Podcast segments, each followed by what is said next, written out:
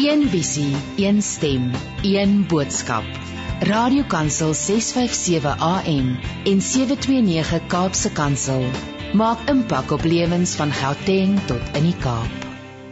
Goeiemôre, die horlosie sê dis 9 minute oor 9. Dit is tyd vir met hart en siel. Ek is Christine Ferreira en soos ouer gewoonte kuier ons saam hier op Radio Kansel en Kaapse Kansel tot 11:00 vanoggend. So ja, en ons gaan Vandag gesels 'n heerlike interessante program. Uh, oumas en oupas, ma's en pa's kan reg skuif. Ons gaan gesels oor kinders leer ons het gepraat oor die woorde leer geremdheid, leer versteurings, leer probleme.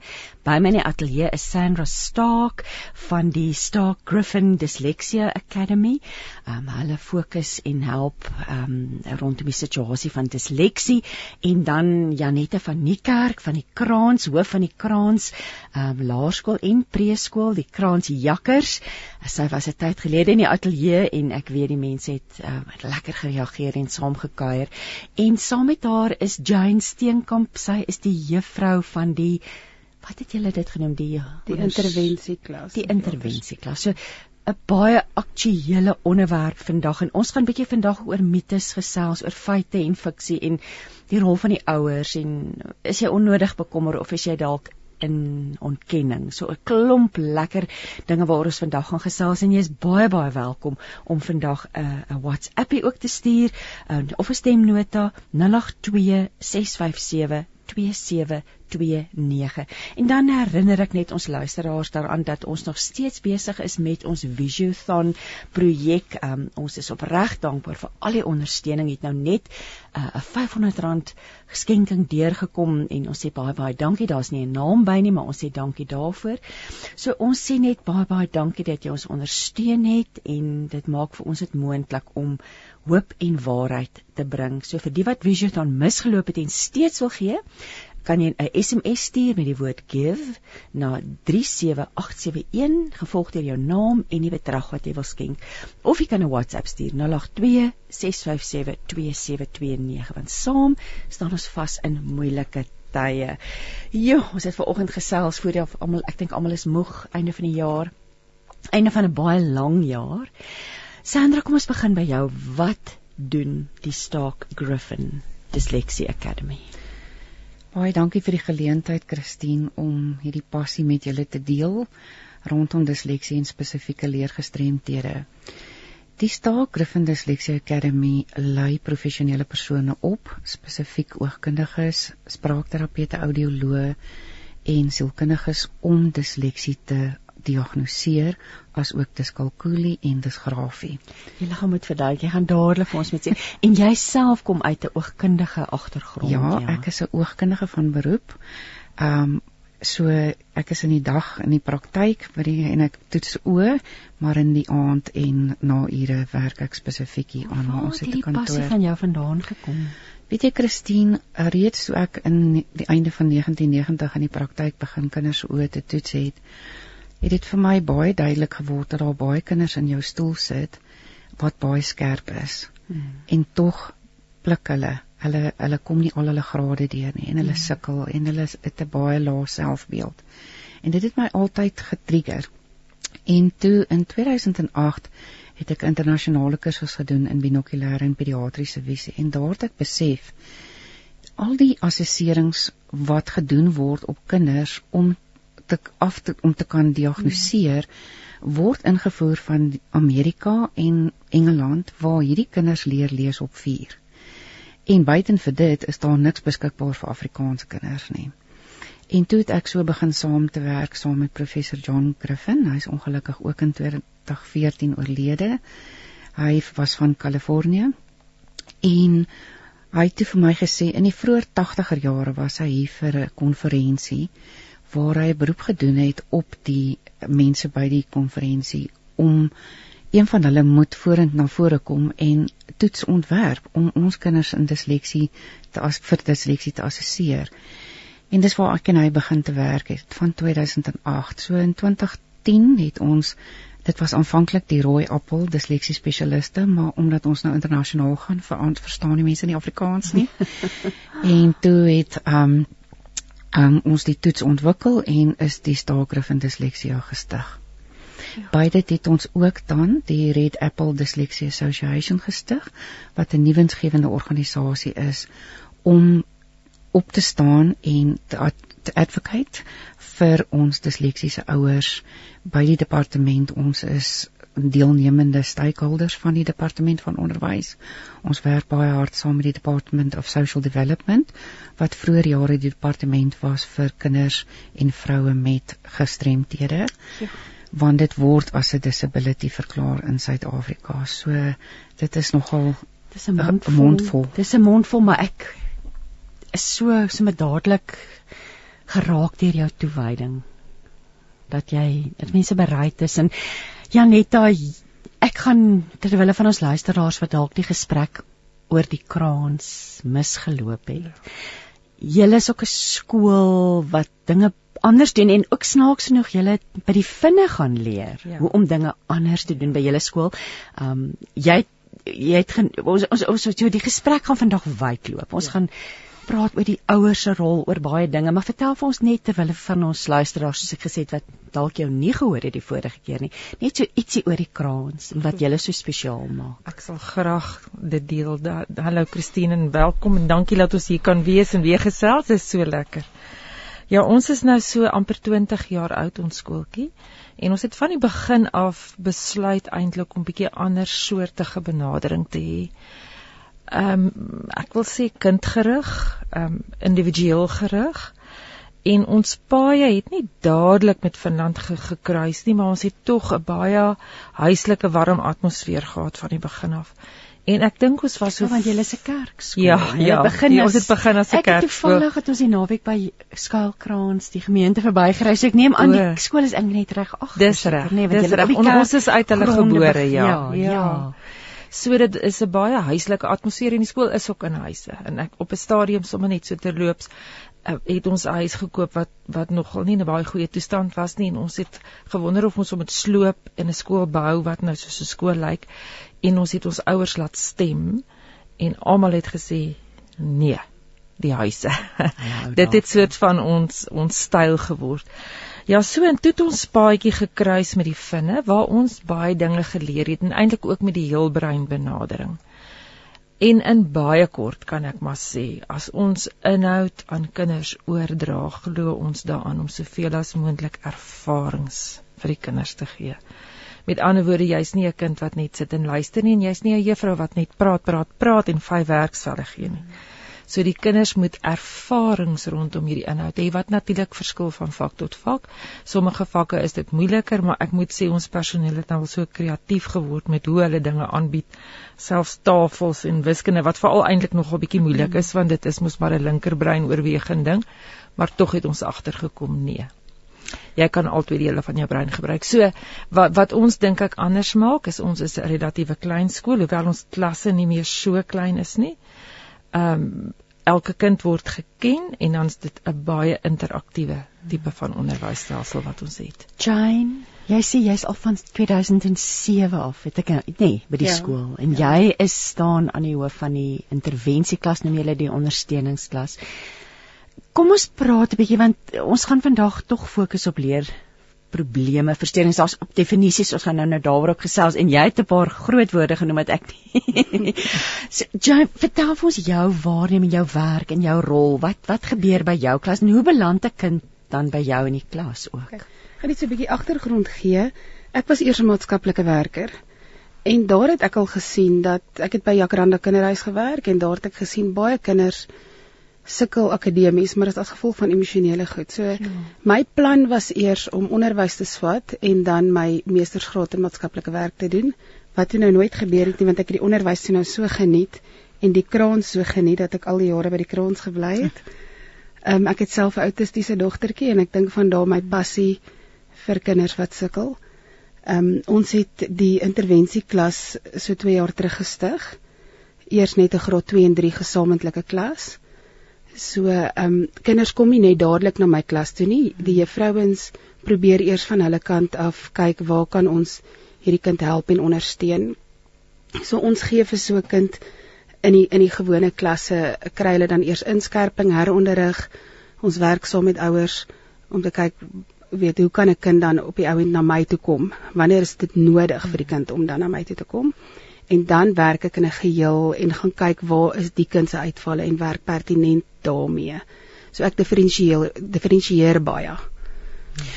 Ek is nou kom ons ooh, jy net daar borrel sulke vrae in my gedagtes terwyl jy gesels. Jy ook praat Jane en almal praat. Kom ons begin met die definisies.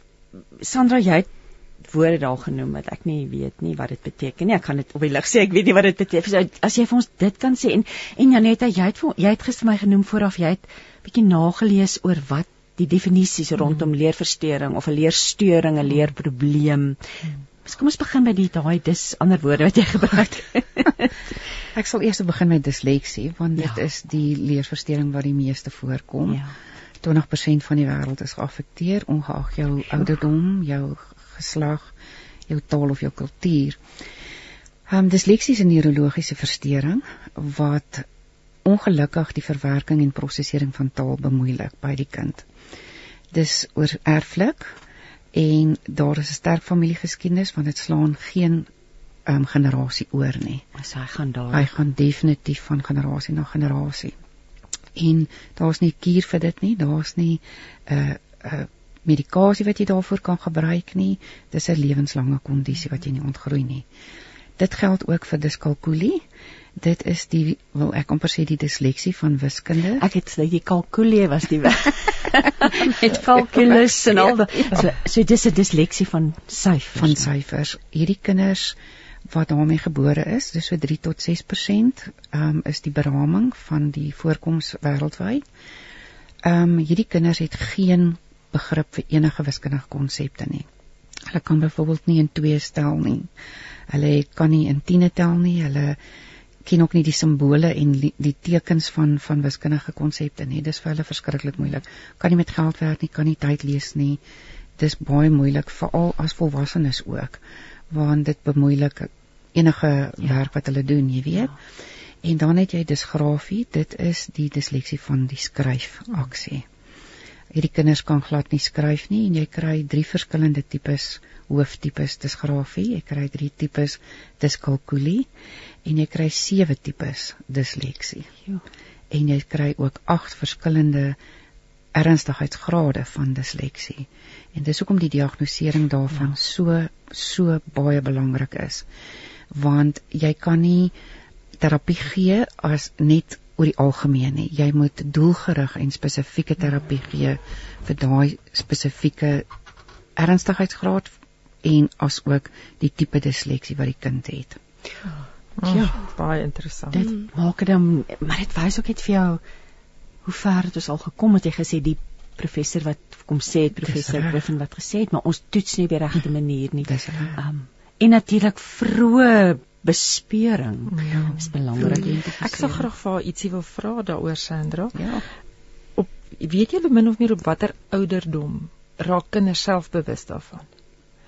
Want ek bedoel kinders kom maar net agter hulle kan nie werk nie doen nie. Dis nie noodwendig dat hulle besef maar ek sukkel met hierdie hulle besef dit nie noodwendig nie ja. en die groot probleem is jy net al baie van hierdie ouers wat self disleksies is wil dit nie oor hulle kinders uitgespreek. Want hulle het 'n moeilike pad dit was te moeilik. Die meeste van hulle het of die skool vroeg verlaat ja. of hulle is ongelooflike goeie besigheidsmense en entrepreneurs. I mean die wêreld se grootste ja. persentasie is entrepreneurs omdat hulle so goed is. Mm. maar baie van hierdie ouers besef daar's 'n probleem. Hulle sien dit in hulle kinders want hulle het dieselfde ervaar toe hulle groot geword het. Mm. maar gewoonlik kom mens dit alreeds in graad R agter. Mm ehm um, ook as hulle klein is want hulle taalontwikkeling is baie laat. Al is dit 'n wiskunde ding, al is dit 'n wiskunde disleksie. Dit 'n wiskunde ding is dit kinders wat nie met blokkies bou nie en kinders wat konstruktiewe ehm um, goedjies kan ja. jy weet kan besef daar's soveel in 'n versameling ja. en hierdie hierso in hierdie mandjie is daar meer sjokolade ja. as in daai mandjie. Hulle kan hulle besef kan nie die, dit vergelyk nie nee, glad nie. Ja. Hulle besef dit nie. Ja. Maar hulle kom dadelik in die skool agter want hulle besef hulle is ja, nie so onderwysers nie. Ja. Mm. ja. Kom ons praat oor die onderskeiding. Jy het gepraat die verskil tussen 'n leerprobleem of 'n leersteurnis, die ter, die tydsverloop. Ja. Janetta, wat die die ding van leerprobleme sien ons nou maar en ons ek sien daar soveel opinies oor oor benaminge en, en dat dat dit mens kan seker daaroor debatteer. Maar 'n leerprobleem is vir ons iets wat tydelik van aard kan wees. Nee, ek bedoel ek was siek of my mamma is oorlede of uh, daar's een of ander trauma of spanning of ja. daar 'n ervaring plaasgevind miskien by 'n juffrou wat vir my traumaties was. En dan is daar dikwels 'n emosionele blok. En en dit kan met met die regte sagte hand op 'n terapieterrein of op 'n juffrou terrein kan dit herstel. So dis meer eksterne hmm. faktore. Maar as ons praat van leergeremdheid, dan is dit um, een of ander neurologiese 'n oorsaak wat nie noodwendig jou potensiaal beïnvloed nie. Hmm. En ek dink dit moet mens baie duidelik sê. Ek dink dit is amper hmm. die grootste punt waarby ons gaan uitkom is daar's altyd hoop. Hmm. Hmm. Ehm um, ek dink nie 'n ouer moet ooit 'n ja. deksel op 'n kind se kop sit nie. Ja. Maak nie saak wat die diagnose is nie. Hmm. Want ek dink ons weet nog so min van die brein en sy potensiaal mm. dat ons gaan nog dinge ontdek in die toekoms. So om nou te sê jou kind gaan nooit matriek mm. skryf nie, is 'n baie riskante ding om te, om te sê. Ek dink mens mens gaan voluit. Jane, ek wil by jou hoor ouers se reaksie want die ouers speel 'n geweldige rol. Hulle is die mm. volwassene in hierdie situasie, emosies is betrokke. Jy is bekommerd oor jou kind. Mm. Almal wil net die beste vir hulle kind hê, mm. nê. So hoe die rol van die ouer en, ja. en en as jy ja, want jy kan ons het vroeër gesê jy kan of dit ontken of jy kan mm. dink jou kind het 'n leerprobleem en hy het nie regtig nie. So wat mm. plek van die ouer in hierdie hele proses? Ja, wat die ouer aan betref is dit tweesydig. Ons kry 'n ouer wat dit heeltemal ontken en ons kry 'n ouer wat dit oordryf wat 'n probleem gaan soek mm. wat daar eintlik nie is nie. Maar wat die rol van die ouer aan betref is Jy moet eerstens jou kind aanvaar vir wie en wat hy is en jou kind moet dit weet want jou kind se selfbeeld is baie belangriker as akademiese vordering. Ja. Ehm um, en jou kind moet weet dat jou kind vir jou perfek is, maak nie saak wat die hindernisse of die probleme daar buite is. Dis die Here ons sien nê. Um, en so. en ons as ouer moet moet erken dat daar wel 'n probleem is. Want as jy nie erken dat daar 'n probleem is nie, kan jy nie daaraan werk nie. Ehm um, en dan dink ek is baie belangrik dat die ouers saam met onderwysers werk en nie teen die onderwyser probeer werk nie. Ehm um, want dit gebeur ook ongelukkig ja. baie. Ja. Ehm um, nou die dag het iemand by ons skool kom praat en gesê jou kind is die produk van jou opvoeding en nie van jou bewondering nie. En eers moet ons dit baie mooi besef. Dit sê daai net weer. ja. Kind is die produk van jou opvoeding, nie jou bewondering. Ja. Ja. Dit het my nogal baie geraak. Ehm um, doen moeite dat jou kind by heronderrig en inskerping inskakel. Dit help nie jy besef of jy sien daar's 'n probleem maar jy doen nie van jou kant af moeite om die die oplossings wat vir jou gegee word of die planne wat gemaak word om om daarby uit te kom nie. So dit is nogal belangrik. Ek dink is ook belangrik dat ouers saam met hulle kinders lees. Ek dink ons gaan nou-nou nog bietjie meer oor lees, lees praat. Ja, praat. Ja maar dis baie belangrik dat 'n ouer vir hulle kind as klein kindertjies al lees. Ehm um, en dan dink ek wat belangrik is is om eers mediese probleme uit te skakel. Vat jou kind vir 'n gehoortoets, vat hom vir 'n oogtoets, maak seker daar's nie 'n spesifieke probleem daar nie, want dit help nie ons gaan soek allerlei ander neurologiese en ander probleme as dit bloot 'n mediese probleem is nie. Um, by ons skool sê ons vir ons graad R, hulle moet by 'n spesialis uitkom vir 'n gehoortoets en 'n oogtoets voor hulle graad 1 toe gaan. Dat mens daai probleme betyds uitskakel. Ongeag of daar probleme is. Ja, ja, so hulle ja. gaan in elk geval. Dis 'n baie slim plan. Ja, ja, want mens ja. op op graad R vlak weet jy nie altyd noodwendig al mm. die kind sien nie mooi op die bord nie want ek bedoel hulle werk so informeel. Mm. So Eh, dit is belangrik dat mm. ouers daai goed uitskakel. En ek dink 'n ouer moet dan ook saam met die onderwyser besluit watter professionele persoon se hulp ingeroep moet word. Mm. Watter ehm um, toetse gedoen moet word want dit is duur. En mens kan nie alles doen nie en ek dink daar's baie fly by night ouens wat sê ek het die kits oplossing en ek het hierdie kits oplossing en alles kos ouers ongelooflik baie geld. So besluit saam met die onderwyser wat is nodig watter professionele ou moet ons kry? Moet ons by arbeidsterapeut uitkom? moet ons die kind laat toets vir disleksie, moet ons 'n opvoedkundige sielkundige se hulp inroep, ehm um, sodat ons by die regte aanbevelings kan uitkom. Hmm. So en dan wat ek wat vir my ook belangrik is is as dit as medikasie voorgeskryf word deur 'n uh, spesialis moenie met medikasie speel nie moenie dit eendag gee en eendag nie ja. dis ook nogal belangrik en dit dit lê by die ouer hmm. Op op 'n emosionele vlak is ons baie bewus daarvan dat ouers baie anti-medikasie is. Mm. Um, dit vat 'n lang pad voor 'n ouer eers besef en ek het nogal begrip daarvoor. Ek ja. verstaan dat medikasie soms onnodig en sommer vinnig gegee word vir kitsoplossings. Maar dit voel ek sê altyd vir ouers as jou kind se been gebreek het, gaan jy nie twee maal dink om ekstrale te laat neem ja. en om gips aan te sit nie. En as jy weet daar's 'n neurologiese iets wat 'n pilletjie voor kan help en regtig ons het al gesien in die skool dis oornag mm. wat wat dit 'n verskil maak. So ek stem saam met Jane daar en dan dan natuurlik die ander ding wat ek ook wil graag by Anna Christine is die finansiële onkoste wat dit vir ouers is. Jy mm. weet 'n kind enige ouer met 'n kind met spesiale behoeftes mm. maak nie saak op watter vlak nie. Dit kos 'n arm en 'n been. Ja. En dit voel vir my ook bietjie daar's uitbuiting.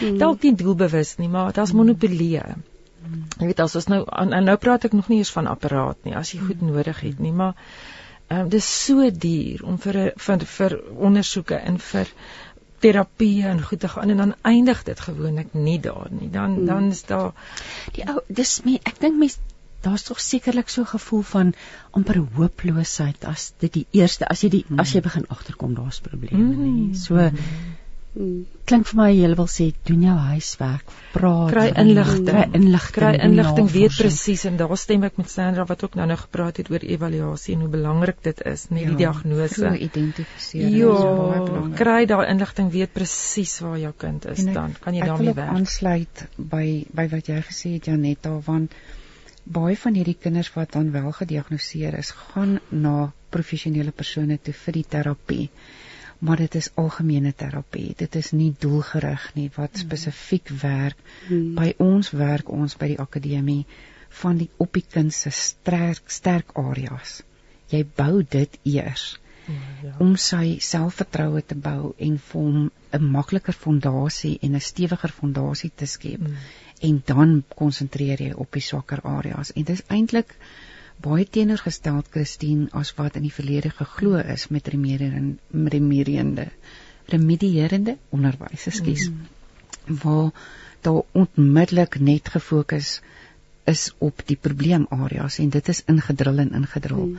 Maar by ons is dit heeltemal nee. hulle verloor moed. Ja. En jy weet hoeveel jare gaan hierdie kinders na na terapeute toe?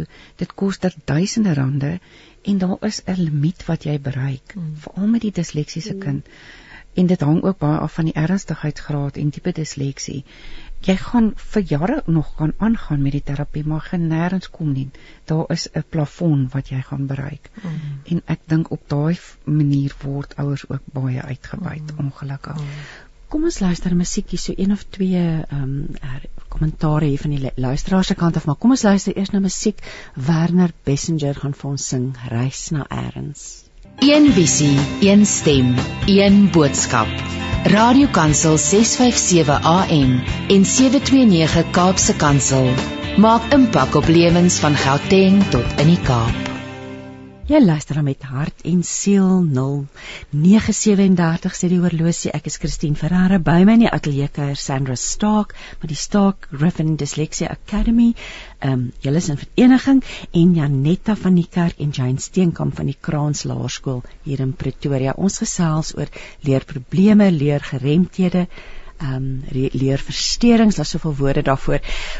Jane, jy het genoem oor die emosionele impak mm. en ek wil gesels oor en ek wil ons ek, ons is almal seker al so moeg om te hoor ons is deur drie moeilike jare vir al skoolkinders mm. en universiteitsleerders en studente en so aan wat watter impak het stres en mm. spanning mm. en druk en alles op kinders se se se vermoëns om hulle skoolwerk behoorlik te kan doen ek dink om te sukkel is vir enige mens sleg ja ehm um, en die kind as hy voel hy's die enigste een wat nooit klaar kry nie, hy's die enigste een wat dit nie reg kry nie.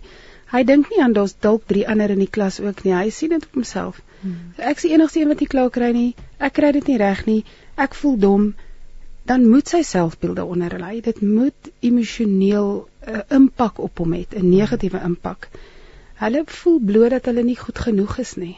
Hmm. Hmm. En ek dink baie keer kry hulle nog raas oor hulle ehm um, sukkel en en iemand sê kom wikkel maak klaar ons wag die hele klas wag net vir jou en hoe sleg moet dit vir so 'n kind wees daai emosies waarvan jy nou praat kom eintlik nadat ek gesukkel het mm. maar daar's ook emosies wat veroorsaak dat ek sukkel ja. mm. en dis amper nou die die die tyd waarin ons lewe die misdaad waarin ons land is mm. die ekonomiese welstand waar net ja die beerdkrag mm. klein dingetjies 'n kind se identiteit is nog nie soos ons volwassenes ehm um, groot. Alles mm. hulle sin is groot. Die pappa en mamma en die kat en die hond en die kar en alles is deel van wie ek is. Mm. So as die krag af is en die, en daar's een of ander krisis en mamma sê ag nou kan ek nie. Dan net daai normale sinnetjie van nou kan ek nie bou bou bietjie spanning in 'n kind mm. op. En nou kom hy met daai spanning by die skool aan. En daai spanning kan so erg in 'n kind raak want ons kinders is maar ons is maar sensitiewe mense en sommige is meer as ander. En as daai spanning in jou hoog sit, dan in jou brein nou oor vereenvoudig, ek is nie 'n neuroloog nie. maar hoe mens dit vir jouself uitmaak is jy het mos nou die drie hoofdele, is jou oerbrein, jou emosionele brein en jou frontale lobbe. En as jy in spanning is of jy voel jy voel nie veilig nie, dan is jy in veg en vlug. En en dit is iets wat jy moet hê, so jy jy dit is wat oorlewing veroorsaak as daar 'n krisis is, maar dit keer leer. Dit maak leer moeilik. En dis die ekstreme een, maar dan kom ons nog by die emosionele brein waar ek geliefd moet voel. So daar's nie 'n gevaar oor my kop nie en dit sluit nou aan by Jane se ek ek is heeltyd laaste klaar. So ek voel nie aanvaar nie. Ek voel nie belangrik genoeg vir hierdie mense vir my maats vir my juffrou dalk. Mm. En dan blok dit ook leer. So uh, ons het so 'n TED Talk geluister van Brené Brown wat sê voor jou sit 'n groepie skilpaadjies. En as jy nou juffrou is mm. en eers as daai skilpaadjie sy dop afval, anders hy voel so veilig dat hy sy dop afval, kan leer plaasvind. Mm. Maar vir daai skilpaadjie om sy dop af te haal, moet jy jou dop ook afhaal. En jy met jouself ook blootstel sodat kinders veilig genoeg voel om hulle bloot te stel. En ek dink dis waar ons baie tekort skiet in die onderwys. Ons is so hmm. taakgerig. Ons wil hierdie volgende opdrag, hierdie volgende stuk inhoud met die kinders ken. Maar hulle voel nie veilig nie. So as ons net eers kan fokus op dis jou plekkie, jy mag foute maak. Dis jou dis waar jy jouself kan wees, moenie gespanne wees nie. Dan kan ons vorder ek wil by julle hoor, daar's dalk nou iemand wat luister en dink ek wonder of my kind dalk 'n leerprobleem het of leerstoring het. Um, wat is die tekens? Die ek wil dit nie simptome noem nie of noem julle dit simptome? Wat is die tekens, die waarskuwingstekens dat wat is die gevaarligte dat daar wel 'n leerprobleem is? Die tekens al van kleins af is natuurlik die lae taalontwikkeling en hulle sukkel met rymwoorde hulle kan nie hulle het nie fonologiese bewustheid nie. Met ander woorde hulle kan nie klanke onderskei nie die die volgorde daarvan nie. En wanneer hulle in die skool kom en hulle leer om te lees en te skryf dan kan hulle nie 'n klank en 'n simbool koppel nie. Dis vir hulle baie moeilik. Dis jou fonetiese deel van disleksie en dan kry jy ook natuurlik jou sigwoorderkenning wat vir hulle 'n geweldige probleem het is die kinders sukkel baie daarmee, maar soos ek reeds genoem het, die familiegeskiedenis is baie ernstig. En hierdie kinders oor die algemeen sukkel met tyd. Hulle sukkel om hulle gedagtes te organiseer en op papier neer te skryf um en hulle ruil letters om. Kyk in graad 1, ek wil altyd so lag as van die onderwysers vir ons kinders stuur as hulle graad 1 is en sê hierdie kind ruil die B en die D om. Hy sekerlik disleksies. Nou dit is heeltemal natuurlik vir 'n graad eentjie. Mm. Hulle is nog toegelaat om 5 omkerings in graad 1 te maak op 'n gereelde basis. Ja, en hulle mag 3 omkerings in graad 2 maak, maar net 1 in graad 3 daarna as dit aanhou voorkom dan is daar 'n probleem en 'n aanduiding van motoriese disleksie.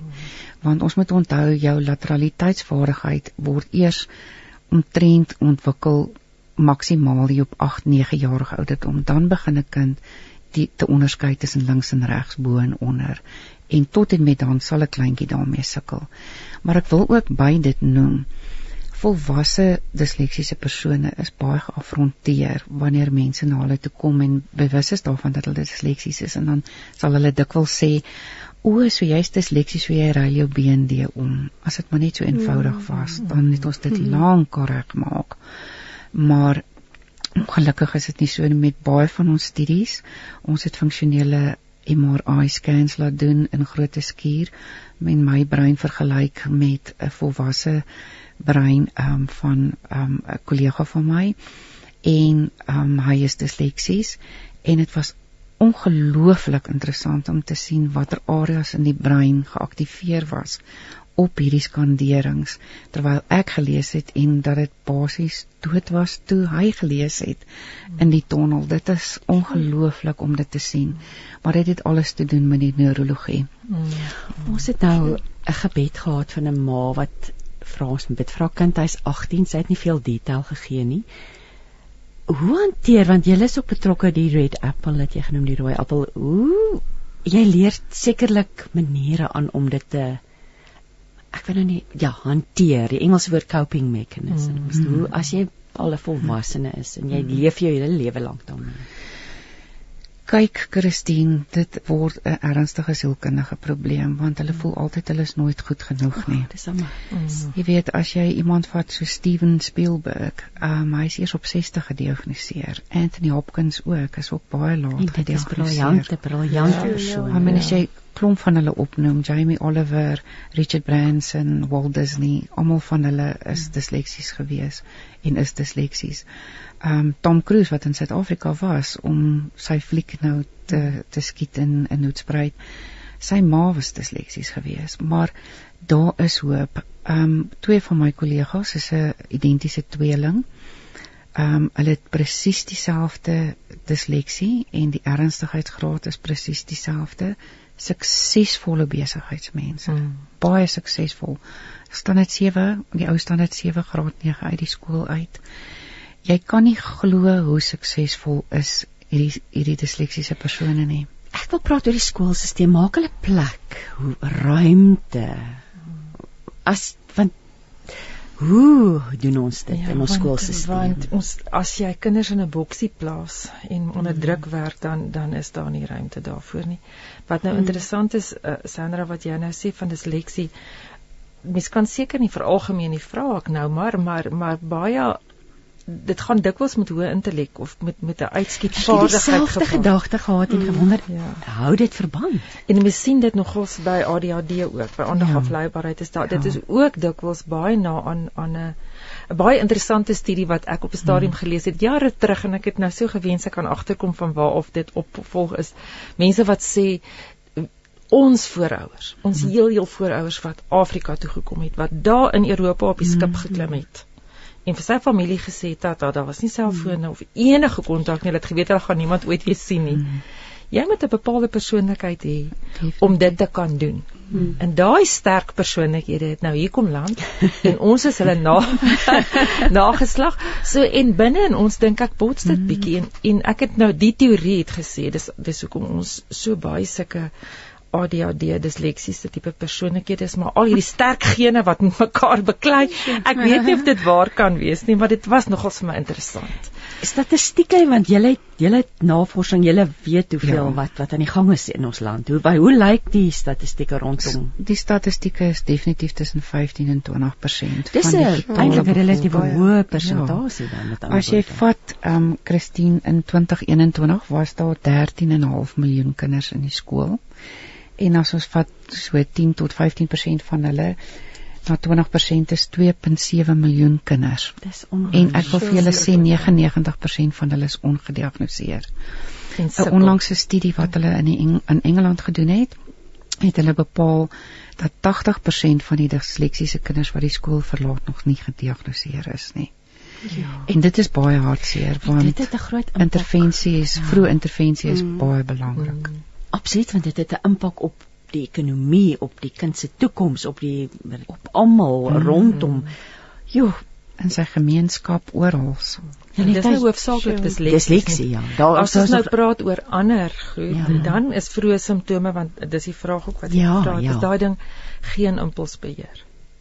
Geen grense nie. Ehm um, is nooit gefokus op iets nie, doen nie 'n projek klaar nie. Ek bedoel hulle begin al van kleins af die ouetjie wat heeltyd eenkant is en nooit in 'n groepie speel nie. Dis nie noodwendig nie. Mens moet nou weer mm. oppas, nê. Ja. Dat jy nou nie nood uh, sommer self afleidings maak nie, maar as dit 'n patroon word van hierdie ouetjie kan nie teenstand of enige iets op sy pad hanteer nie en rea ooreageer uh, op 'n onvanpaste mm. manier, dan dink ek is dit 'n liggie van 'n rooi liggie van ja, ja, ja. Wat wat is die groter prentjie dalk hier? En en weer eens dan hoe gouer ons kan agterkom hoe, hoe makliker kan ons kan ons help. Kom ons praat oor aandag afleibaarheid want weer eens wanneer is dit 'n realiteit wanneer is die kind maar net 'n bietjie woelig ja, is so en ek, ek, ek dink julle het almal 'n bydrae hier te hmm. lewer Sandra jy het ook genoem jy het 'n meestersgraad studie gedoen rondom dit ook en julle werk daagliks daarmee en dit ek het nou al gehoor by ander mense dat jy hmm. sukses het met hmm. kinders wat aandag afleibaar is juis oor die manier wat jy dit benader. So kom ons praat 'n bietjie daaroor. Een van ons groot sukses oorsake is die feit dat ons op hierdie heelbrein model is van ehm um, die werk soos asemhaling. Ons ons ons konsentreer hard vir so oud as wat ek is plus 5 en dan is daar 'n breek. Hmm sodat daar 'n ritme in die kind kom van of ons doen just dance of ons gaan stap of ons doen mind moves of iets om net die brein weer bietjie suurstof te gee. En dan kom ons weer terug en ons fokus weer op die volgende ding. So kinders wat ehm um, kyk daar's nou ook variasies van aandag afleibaarheid nê. Maar meeste kinders kan op 'n vroeë ouderdom kan by daai ritme aanpas en kan jy hierdie stukkie konsentrasie amper ononderhandelbaar maak. En dit help. Dit help want hy gaan nou nou weer iets lekker doen. Hy weet dan kom hy nou weer hardloop of boomklim of mm. gou bal of twee gooi en dan fokus ons weer. Mm. So die manier van interaksie, uh, ons het ervarings, ons sit nie net doodstil nie. Ag en natuurlik juffrou Jane het op 'n stadium haar klas baie interessant gemaak. Elke tafeltjie uh mm. ons werk in groepe en elke tafeltjie se se stoele het anders gelyk. Hierdie klomp het op balle gesit en daai klomp het op kussings gesit en, en die ander hulle om het rekke ja, aan hulle stoele gehad en ander het tennisballe onder aan hulle pote gehad en o jy het nog hierdie swembad poolnoedels ook op 'n manier gebruik. Die poolnoedels was eintlik om die balle sodat die balle nie die hele klas vol rol nie. Dit was stabiliseer ons nie.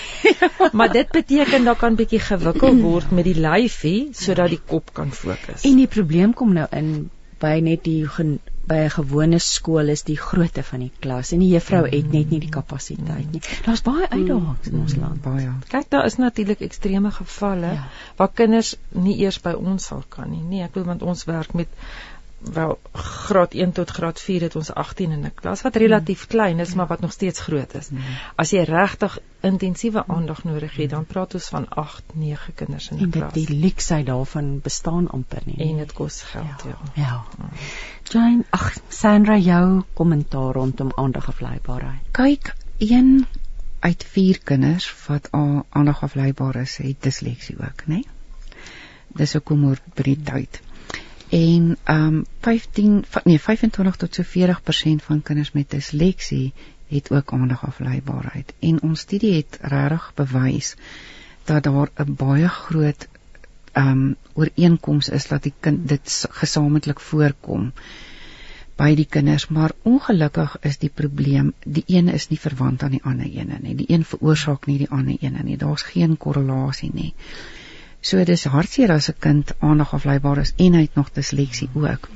Maar ek dink omdat disleksie 'n relatiewe nuwe begrip is veral in Suid-Afrika en ons het baie voorbrandwerk al gemaak.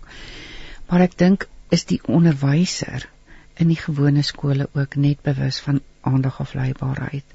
Hulle het nie kennis nie. Jy weet die hartseer daarvan is is dat nie een onderwyser 'n deel van hulle kurrikulum hmm. toegewy is aan spesifieke leergestremdhede nie en dit is ons volgende fokus vir volgende jaar om dit dan in te bring in by te bring. die universiteite en die colleges en want die onderwysers ek kry hulle jammer want hulle is onkundig in hierdie area so die tekens wat 'n kind wat disleksies is toon in 'n klas is presies dieselfde as 'n kind wat aandag afleibaar is. Want as ek vir jou 'n bladsy gee met Chinese skrif op om die hele dag na te kyk, gaan jy verseker nie stil sit nie. Mm. En dit is hoe 'n disleksiese kind dit ervaar. Mm. Want onthou, ons lees met ons linkerbrein, maar hy gebruik sy regterbrein. Mm. En nou daai kind gaan nie stil sit nie, hy gaan gedurig die skool verlaat. Hy lyk aandag afleibaar, maar hy is nie noodwendig nie en dan word so kind gestuur na 'n neuroloog toe of na 'n pediater toe, word op medikasie geplaas en die eintlike oorsprong van die probleem is ja, disleksie. Ek het so seentjie gehad.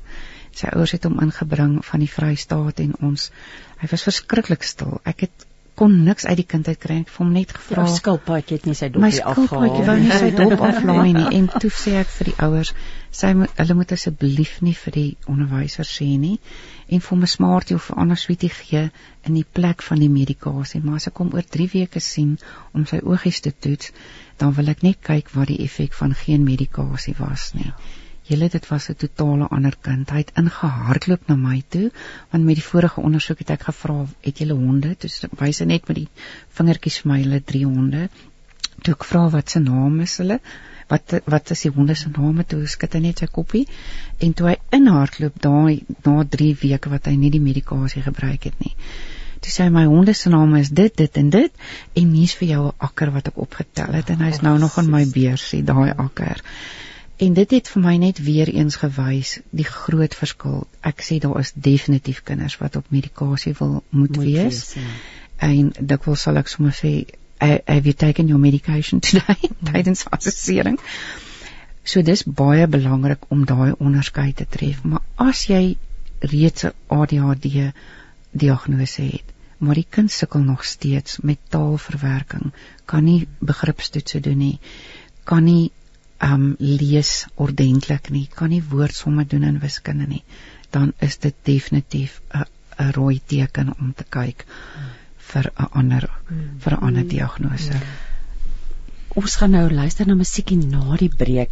Wil ek hê ons moet graag gesels oor die die lees leer koneksie want dit is so hmm. belangrik en en julle jy sê kan da, ja daar is daar is oplossings hulle rondom dit. Ja. So ons gaan daaroor gesels na die breek, maar kom ons luister na Deelt Gous wat vir ons gaan sing Spirit Man. Een visie, een stem, een boodskap. Radiokansel 657 AM en 729 Kaapse Kansel maak impak op lewens van Gauteng tot in die Kaap. Môre Radiokansel. Ehm um, ek wil net laat weet dat ek luister na julle program nou oor dis disleksie. En uh Sandra Staak is toevallig my oogarts, so ja, ons al baie daaroor ges, uh, gesels. Wat dit vir my beteken het of geleer het toe ek as kind in die skool was, ek is nou 62. So ek moes op my eie staan. So ek was maar 'n tipe van 'n rebel gewees. Dit is nie altyd die slegheid daar wat ou daar moet insien nie. Dit leer jou om op jou eie te staan en te veg om vorentoe te gaan. So sterkte vir al julle mense wat so hard werk om ons kinders op 'n vroeë ouderdom te kan ondersteun dat hulle eh, kan ek sê amper 'n beter toekoms te kan hê. En ek stem saam met julle daar. Dit is baie baie belangrik dat die ouers saamwerk en die en die skool dat hy 'n goeie ondersteuningsbasis het die kind. Baie dankie vir julle program, ek waardeer dit. Dankie Freddie ook vir jou deelname en jou kosbare kommentaar ons het gesê ons gaan 'n bietjie praat oor die rol van die onderwyser ook. Mm. Ons gaan nog praat oor die lees en die leer, maar ek wil graag hê ons moet reageer op wat Freddie nou gesê het en mm. ek ek dink ons ons ons het nou 'n bietjie daaroor gesels. Ons besef daar is baie onderwysers wat onkundig is. Daar's baie onderwysers wat dalk dit maar net vir 'n werk doen om onderwyser te wees en nie regtig noodwendige passe het nie. Maar ek dink dit is belangrik dat dat ouer en onderwyser mekaar moet vind en dat ouer vertrouensverhouding met moet ontwikkel met die onderwyser. En as dit nie moontlik is nie, is mens dalk in 'n verkeerde klas. Mm, ja. Uh want om saam te werk is amper die enigste manier. Mm. En en dan wil ek pleit dat ouers dan op daai punt uh nie sal ervaar dat hierdie onderwyser is teen my en teen my kind en soek net fout nie. Hmm. Mens mens het regtig as ek nou namens ons personeel praat, ons het elke kind se belange op die hart. Hmm. En regtig tot so 'n mate dat mens tot in die aande vir mekaar sê, wat kan ons doen? Hoe kan ons help?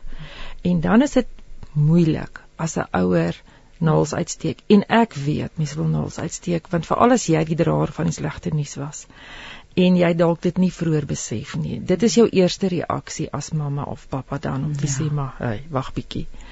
Dis nou my kind wat jy van praat. Ja, ja. En ons het almal sulke storieetjies. Ons het almal kinders en ons het daar's maar almal oral hakplekkies en klippe wat mens moet bestuur. En kom ons gee mekaar bietjie daai ruimte en dan werk ons saam. Want as ons op daai punt kom van saamwerk, dan is dit absoluut 'n wen-wen situasie. En die kind voel veilig. Ja, want pappa en mamma hoor nie by die want hulle praat ja en hulle ja. hoor by die huis wat hulle sê oor die onderwysers en ja. ja. En dan gaan dit oor vroeë identifisering ja. ook en en die ontkenning van wat hier aan die gang is nie. Ja, kyk, dis my hartseer ek hoor hom sê dat um, ek was die rebel geweest. Hmm. Dis my hartseer dat die ADHD ADHD ouetjies um, as stout geklassifiseer word en dit bloot omdat mense nie verstaan nie. Hmm. Um, onderwysers wat net bloot sê hierdie ouetjie is stout en sy besef nie dat hierdie ouetjie nie impulsbeheer het nie. Jy weet 'n onderwyser sê vir die disleksiese kind jy's dom of jy's ja, lui. Jy probeer nie hard genoeg nie. Hmm. En jy hoor dit uit ervaring en ja, kinders jy dit kom sien ons het um, kinders wie se kop in 'n toilet gespoel is oh, deur 'n onderwyser oh, omdat hy nie kan lees en skryf nie.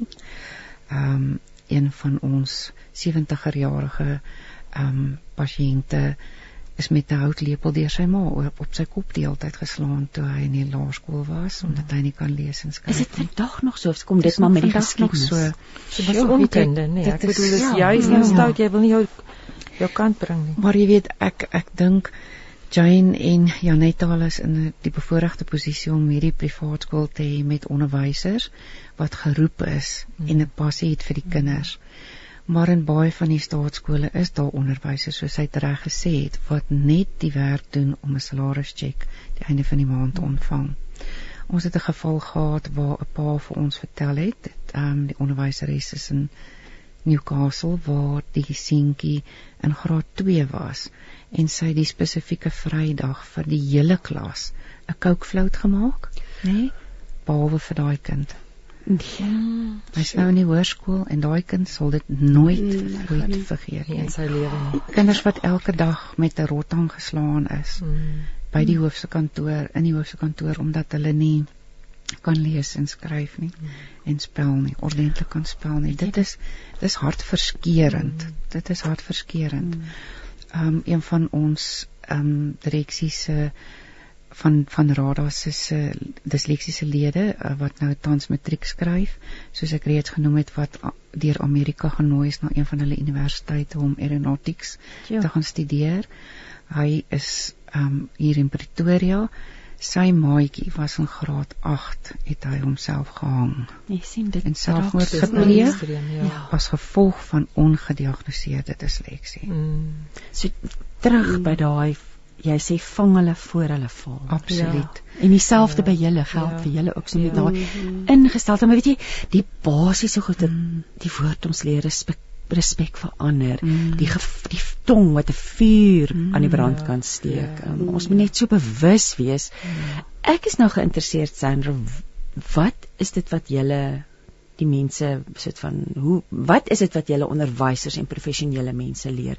Is dit die opsie die binnewerke van disleksie wat hoe ja. wat wat behels julle program dan vir hierdie mense om hulle te help en wie kom na julle toe onderwysers wat graag wil meer weet ehm um, hoe hoe werk kyk dit? wat die spesifieke diagnostisering aan betref moet dit HPC's geregistreerde persone wees ja. wat 'n mediese wat jou kursus kom doen dan wat die ja. kursus kom doen om te diagnoseer want jy moet neurologie verstaan mm. jy moet weet dat lees nie 'n natuurlike aksie is nie nê jy word nie gebore met spesifieke dele in jou brein wat reg is om lees te kan lees nie. Um, dit is eintlik baie interessant om te weet dat hulle alreeds in 'n fetus kan sien in die kind se brein of hy disleksies gaan wees of nie. Ja. Want daar is twee hoofspesifieke um, areas in die brein in die linker hemisfeer van die brein in die parietale lob het jy Wernicke se area wat jou klank en en simbole hmm. integreer, nê? Nee? So dit is as jy fonetiese woord lees. Maar agter in jou oksipitale lob waar jou ehm um, visuele area is in spesifiek die angulêre gyrus. Jy as jy lees, sien jy daai simbool. Daai boodskap gaan na die angulêre gyrus toe en jy kan binne 2 sekondes daai woord herken. So hy's deel van jou hmm. woordeskat. As jy dit nie kan doen nie, dan gebruik jy Wernicke se area om dit foneties te ontleed. Nou ons assessering is daarop gebaseer. Is dit foneties? Is dit visueel? Waar die wanbedrading is, waar jy nie daai witstof gaan verbind het nie, die bane gaan neerlê het nie of is dit by beide? En by jou volwassenes is die meestal by beide. Hulle het fono 'n uh, visuele en auditiewe disleksie hmm. ek sal dit graag bietjie meer eenvoudig wil verduidelik. As ek vir jou byvoorbeeld 'n boek gee om te lees of 'n tydskrif die leeftydskrif of so en jy lees lees stil. Hoor jy 'n stemmetjie in jou gedagtes? Ek gaan vir Jane en Janette ook vra hmm. of as jy byvoorbeeld 'n brief lees wat jou man of jou ma of jou geskryf hmm. het. Hmm. Jy hoor hulle stem, weet, nee. jy hoor hulle ja, stem. Ja. Dit is leksiese persoon het nie daai stemmetjie, daai internal speech nie. Dis hoe moeilik dit vir hulle is. So ons sê hulle is visueel doof want hulle sien die woord, maar hulle hoor hom nie intern nie. Maar hulle is ook auditief blind. Want as jy vir 'n kind sê, ehm um, skryf vir my die woord kat, dan sien hy nie die simbole soos ons nie hy sien 'n prentjie van 'n kat, hmm. maar nie die simbole nie. Dink byvoorbeeld as ek vir jou die woord sê onmiddellik. Hmm. Wat dink jy dadelik spel jy met 2 D's, hoeveel L'e? Ja, hoe spel jy ja. hom? Jy sien die verskillende variasies ja. van hmm. om hom te spel. Maar hulle dink in prentjies en dis hoekom hmm. hulle so begaafd is, nê? Nee? Want 'n disleksiese persoon kan 10000 prentjies in 'n minuut sien en jou gemiddelde leser kan 250 tot 270 jo, so woorde per minuut lees. 'n Beroep in sure. enige visuele kreatiewe omgewing. Dan kompenseer hulle nie ja. met ja. daai gawe. Ja. En kom dan ver. Hulle kom dan baie baie ver. Dink aan Walt Disney. Dink aan Walt Disney. Ja. Onthou hulle sien die eindproduk. Dit is dan maar sien dit is dis waar die hoop kom. Ja, ja want as jy dink dit dis 'n wêreld van prentjies wat hy ingeleef het. Ja. Ek het so 'n hoendervleis ja. wat hy ingeleef ja.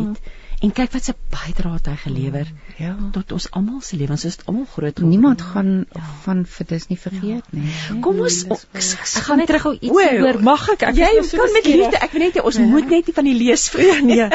Ehm uh, jy sê nou dink aan prentjies, maar maar as ons nou praat van 'n kind op die autisme spektrum of op ehm um, Asperger sentrum uh, op Asperger. Ja, kyk wat nou eintlik weer nie in prentjies dink nie, nê. Nee hulle of het hulle 'n ander tipe prentjie. Ek ek bedoel hulle hulle is nou weer konteksblind. Met ander woorde ek ek ervaar nie jou lyfstaal nie. Ek maar ek het nie begrip daarvoor nie. Maar in terme van jy jy kry outisme met met disleksie gesamentlik ook. Hmm. Want jou en jou blinde en jou dowe persoon kan ook disleksies wees. Ja. Wat met ander woorde geen ander impulse kry ja. nie. Ja. Ja, dit is mm. bitter interessant, mm. nê. Die hoe ons aan mekaar gewewe is en kom ons sel gesels oor die belangrikheid van die leesproses. In die mm. as dit kom by leer. Ons praat nou jy het gesê van jou tipiese kind, ons praat ook van die kind met die probleem want Sandra jy sê of, of my vraag is kan alle kinders makliker le leer lees? So kom ons praat 'n bietjie oor die hele lees situasie. Mm. Want dit is 'n kompleks, ons het in die breek gesels. Ons praat hier van tegnologie. Ons praat van mm. ja, dopamien, mm. ehm mm. um, flooding wat hulle dit noem. Mm. Kom vertel van kom ons gesels daaroor. Mm. Ek sou sê 'n kind wat nie kan lees nie sukkel om te leer. Ja, seker. Ehm um, om met begrip te lees, voel ek is seker die belangrikste vaardigheid wat 'n kind kan aanleer. As ek bietjie meer wil weet oor die Khoisan, dan kan ek dit gaan Google. Mm. Maar Google gaan my niks help as ek nie kan lees wat daar ja, staan nie. Ja. So kennis is 'n knoppie ver hmm. met ons tegnologie wat vandag onder ons almal se vingerpunte is.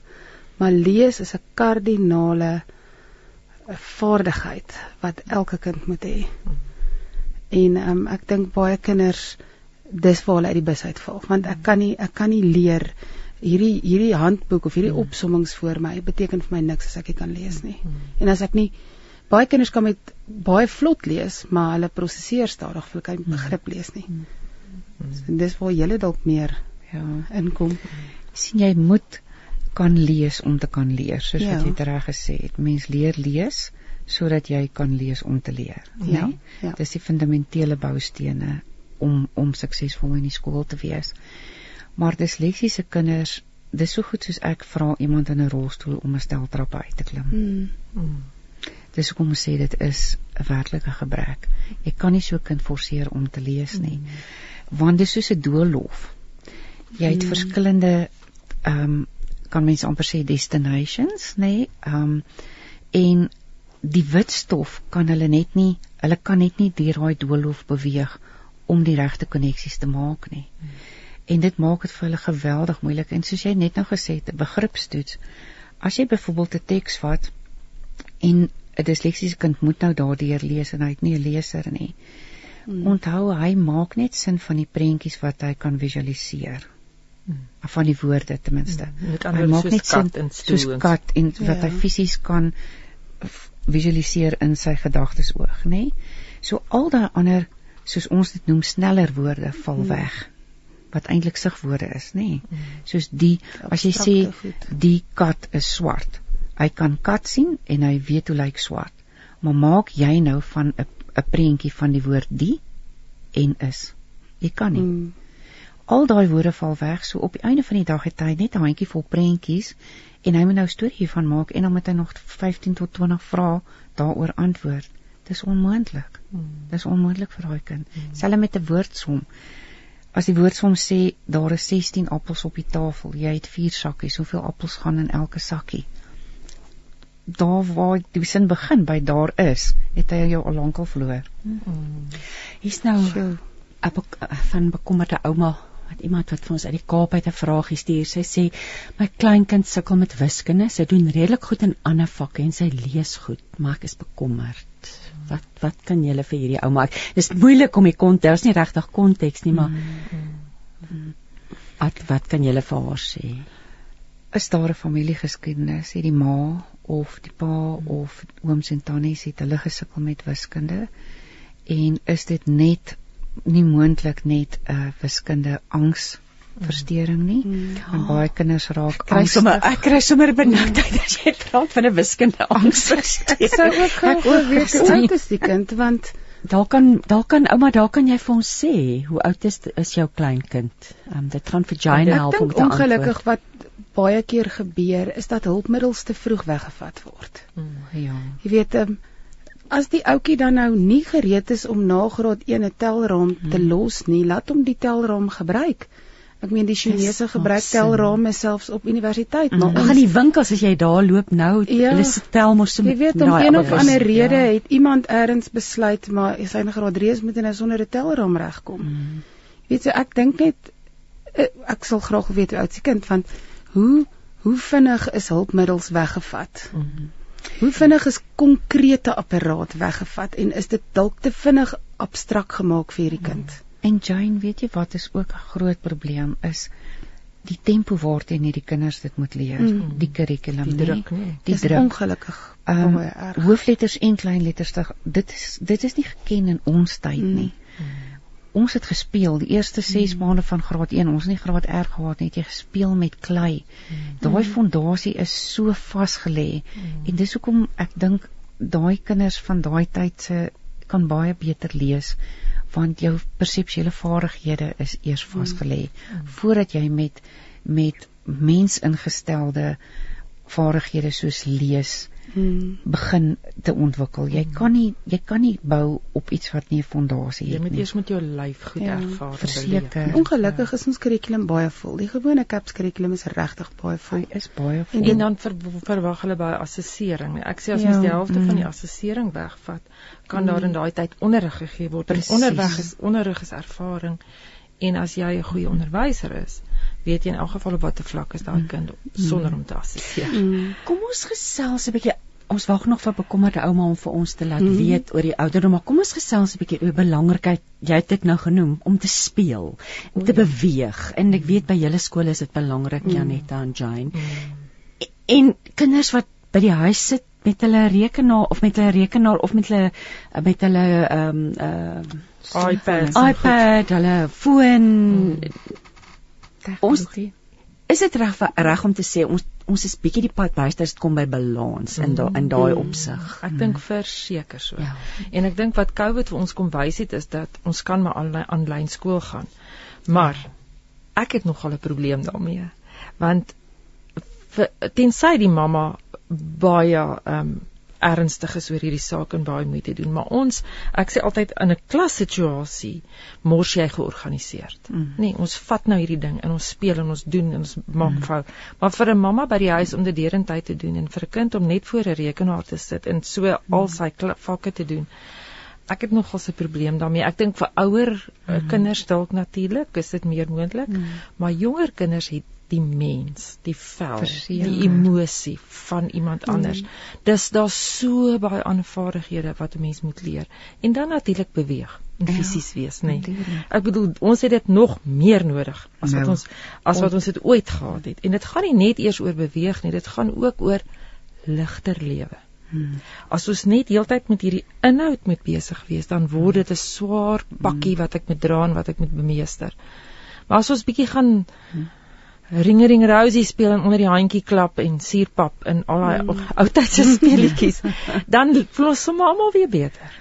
En daar's daar's 'n le lekker gevoel. Weet nie Janetta of jy die rapport gelees het Sondag nie. Die voorblad was aanlyn en tuisonderrig kinders kry verskriklik swaar en die groot meerderheid van hulle wil nou teruggaan na die hoofstroomskole toe hmm en dan moet hulle 'n jaar of 2 grade laer ingesit word ja. want hulle het nie die mas opgekom met aanlyn en tuisonderrig ja. nie. Ek stem met jou 100% saam met dit want ons het so pas of is ons in die proses om ons staakrif en super skoolgereedheidsassessering bekend te stel wat 'n baie samevattende en 'n en 'n baie deeglike assessering is gaan besef, dit oor skoolgereed. Dit gaan oor skoolgereedheid vir jou graad R. Hmm. Ons het besef dat daar nie een assessering is vir skoolgereedheid wat byvoorbeeld jou oë toets nie. Hmm. En gesê dit oor die ore oor oor die ore 80% van dit wat jy leer gaan deur jou oë en word deur jou visuele stelsel ja. verwerk. As hy nie gebalanseerd werk tussen die twee oë nie. Ek sê altyd vir die kindertjies jy twee oë maar werk as een span. Hmm. As een nie werk nie, dan gaan jy dit nie agterkom nie en daai kind gaan sukkel vorentoe. Hmm. So jy moet soos ons dit noem exclusionary factors moet jy eers uitskakel hmm. voor jy vir die belangrike hmm. moeilike goeters toets. Dis soos jy gesê het, jy nie weet die ore die oë want dit werk alles saam. Hmm. En dis baie belangrik dat dit dit daai probleme reeds nog voor die kind hmm. in graad 1 ingaan uitgeskakel. En ouers besef dit nie. Kom nee, ons, want my kind sien mos nou. Ja kom ons ek hierdie is 'n lekker onderwerp as ons is in November daar die kinders is al reg vir ja. skool vir volgende jaar maar dalk is hulle nie gereed nie. So kom ons gesels na die breek bietjie oor skoolgereedheid. Ek gaan nou vir ons kyk o, oh, daar sê. Kristen Lennox gaan nou eers vir ons sing See What a Morning. Een visie, een stem, een boodskap. Radiokansel 657 AM en 729 Kaapse Kansel maak impak op lewens van Gauteng tot in die Kaap. Jy luister met hart en siel en ek wil vir ehm um, Betsy Crawford baie baie dankie sê sy het vir ons R1000 geskenk vir ons Visiothon November projek. Baie baie dankie Betsy. Ons waardeer dit opreg. Daar's iemand wat gevra het oor die bankrekening detail.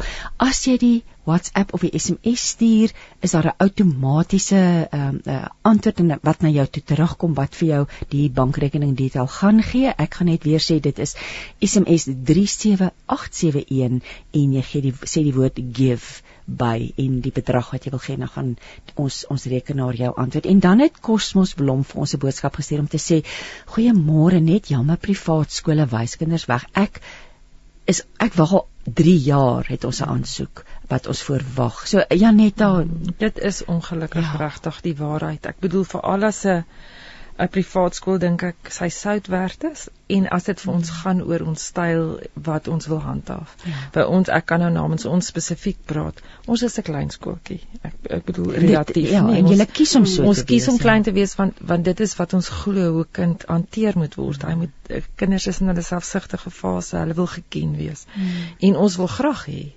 hulle moet geken wees. So ons wil selfs weet, ek spot ja. altyd, ek sê ons weet wanneer 'n ouma se kat lyntjies kry. So betrokke is 'n mens eintlik by die gesinne. En as ons daai gaan verbreek en klasse net groter en groter maak, dan gaan ons op die einde ja. alles prys gee. Ja. Ons sal baie graag nog 'n skool wil begin en ek moet sê dis nie net by ons nie nie ek het nou inligting dat oor die 100 000 kinders in die hele Tshwane distrik is nog nie geplaas vir volgende jaar nie daar is 'n tekort aan skole daar is maatskappye wat wonderlike werk doen. En daar lê nou weer vir my die hoop. Hmm. Uh die AON hmm. Mos is besig om skole te bou en is besig om om om mense te ondersteun en om skole te ondersteun om sterk te word en wat uh, wat ook al die probleem mag wees. So daar is regtig mense wat daaraan werk. Maar vir nou is dit 'n probleem en natuurlik na die privaat skool ehm um, situasie van um, ons kry geen subsidie van die staat af nie. Ja. So ons moet ons sorg dat ons ons identiteit hou wat ons wil wees om om ja, 'n sekere standaard te hê. Dis hartseer, dis 'n hartseer situasie. Um, skoolgereedheid. Ons het beloof ons gaan praat oor skoolgereedheid. Daai ou kleintjie wat nou al die tasse met hom wil gepak, die potlode is gekoop. Ehm um, basies is daar sekere vaardighede wat moet vasgelê wees. In uh, eerstens is dit jou grouwe motoriese vaardighede. Kan die kind 'n bal skop? Kan hy hom vang? Kan hy 'n sit-up doen, nê? Nee? Hmm. Baie belangrik. Um your seat a man's mind cannot absorb what your seat can't endure, nê? Nee? Sure, ja. Met ander woorde, as jy nie lank genoeg kan stil, stil sit op 'n stoeltjie nie, as 'n graad eentjie nie omdat jou laarrugspiere nie goed genoeg ontwikkel is nie, dan gaan jy nie lank kan konsentreer nie. Dan gaan jou boude lam word en jy gaan begin rondskuif op die stoel. Dit is nou onder grouwe motoriese vaardighede, nê? Kan hy hardloop, kan hy hop op een beentjie, kan jou kind dit doen, kan hy hoog opspring op 'n trappie en afspring met twee voetjies gelyk. Dan fyn motories kan hy pennetjies in 'n bord insit, kan hy sy naam skryf, kan hy 'n knoop oopmaak en toemaak. Ehm um, by dit my voorbeeld is daar ook natuurlik kan hy sy eie toilet vaardighede hanteer. Hy moet dit is selfgoeders wat hy moet kan doen. Kan hy sy eie kosblik oopmaak wanneer hy skool toe gaan en sy kossies organiseer. Dan het jy natuurlik jou visuele analise wat baie belangrik is kan albei oogies gelyktydig werk, werk hulle as 'n span saam, sien hy mooi hy dieptepersepsie, het hy 'n bril nodig, dis baie belangrik. Kleurvisie, baie belangrik om te weet ken hierdie kind kleure sodat die onderwyser is om nie penaliseer met mm. kleurverwante opdragte nie, nê? Dan het ons ook ehm um, ons noem dit 'n vooritoets kan 'n kind gemaklik sy oë binne toe beweeg en uitbeweeg wanneer hy ver kyk. Want dit is so belangrik om te weet wanneer jy lees, dan gebeur drie goed. Jou pupille word kleiner. Nommer 1, nommer 2, jy fokus op 'n nader afstand en nommer 3, jou oë moet binne toe beweeg. Maar baie kinders se so oogspiertjies is nie goed genoeg geoefen nie en dan beweeg dit nie binne toe en hou die fokus nie, dan sien hulle dubbel. Hulle ervaar dit nie noodwendig as dubbelvisie nie, maar die letters swem in mekaar in. Dan het jy jou auditiewe vaardighede wat baie goed moet wees. Kan 'n kind 'n um, 'n ritme naboots? Kan hy klanke en en vir jou weergee en nommers en 'n rits agter mekaar? Dis baie belangrik. dit het ook te doen met fonologiese bewustheid en dan natuurlik selfkennis. Hmm. Ehm um, vra vir hom vra ehm um, ken hy my dogtertjie se name, ken hy seentjie se name, hoe belangrik dit is. Uh ken hy groepe van kan hy groep groepering doen van byvoorbeeld diere, kan hy onderskei tussen verskille en ooreenkomste. Al hierdie vaardighede is baie belangrik om jou perseptueel korrek of reg te maak om in graad 1 in te gaan. Mm. Ek wil vir julle vra en julle sekerlik iets om by te voeg, maar is wat van 'n is daar 'n weerstandigheid? Voel ouers o genade nee, my kind moet net skool toe gaan. Um, of om selfs 'n graad jou kind terug te hou vir 'n graad uit jou eie keuse uit. Wat is die situasie? Ek ek Jane, jy kan ook sê ek is nou jammer dat ek nou hier gaan diskrimineer maar gewoonlik by pappas. Reg. Hulle wil gewoonlik nie 'n kind moet terughou word nie.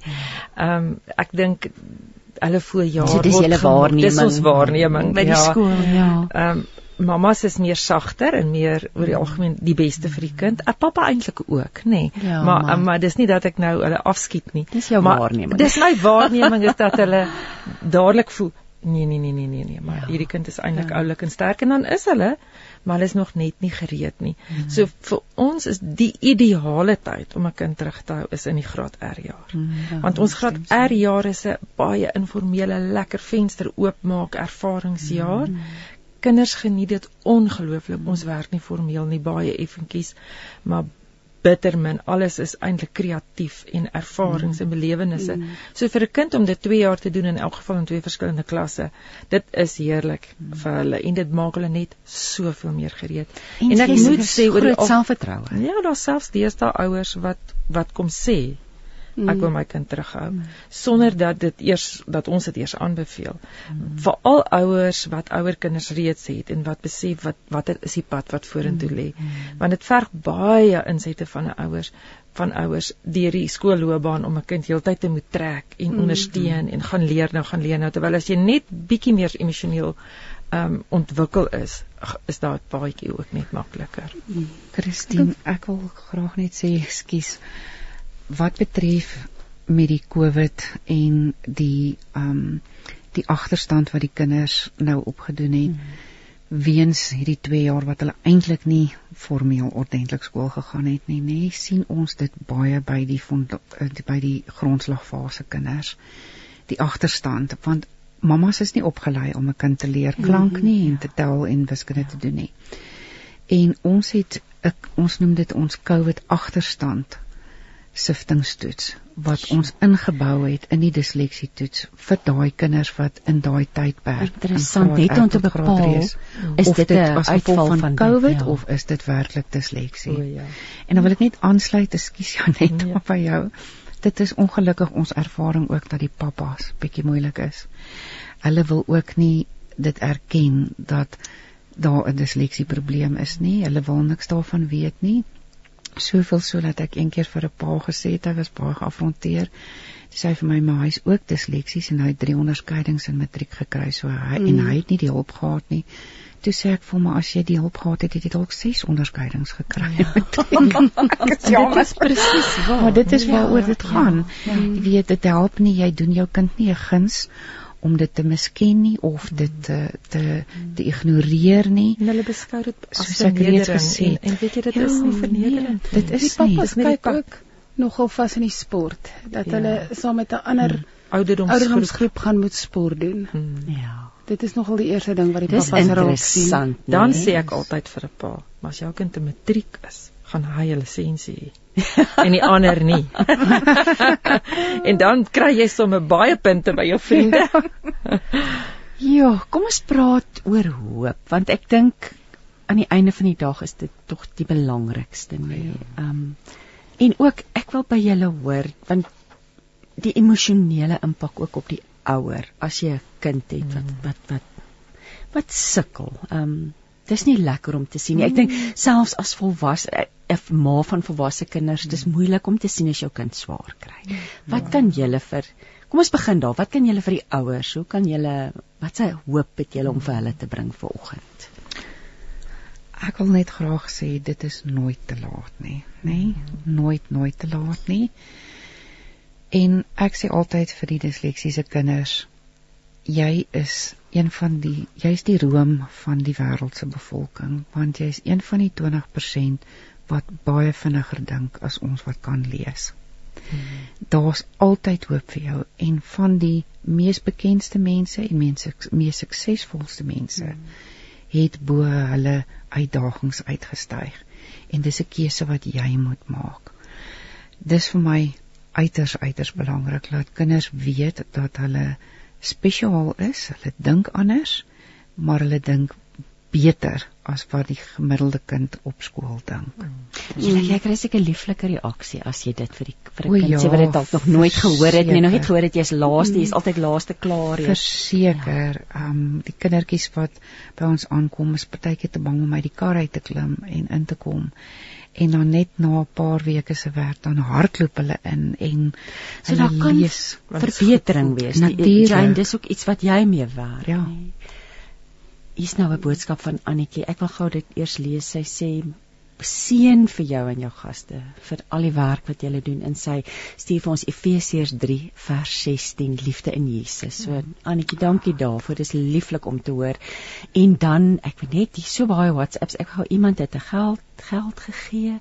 Ek wil net baie dankie daarop sê. Ekskuus, ek kry kom mis twee. Ek het twee plekke waar ek moet kyk hier. So ek gaan nou nou daardie plekkie vind om dankie te sê vir die persoon wat vir ons 'n 1000 rand gegee het. Daar's Ria. Ria baie baie dankie daarvoor ook. Deel van ons Visiothon.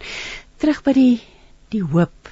Want jy kan kinders in en uit jou klas. Kom hulle vir 'n tyd lank na jou klas ja. toe partytjie ja, net om iets uit te sorteer sodat ons hulle kan terugsit in die hoofstroom. Ja. Ek het in my klas 'n groot plakkaat ehm um, wat ek self gemaak het wat sê elke mens in hierdie wêreld het iets wat hierdie wêreld nodig het.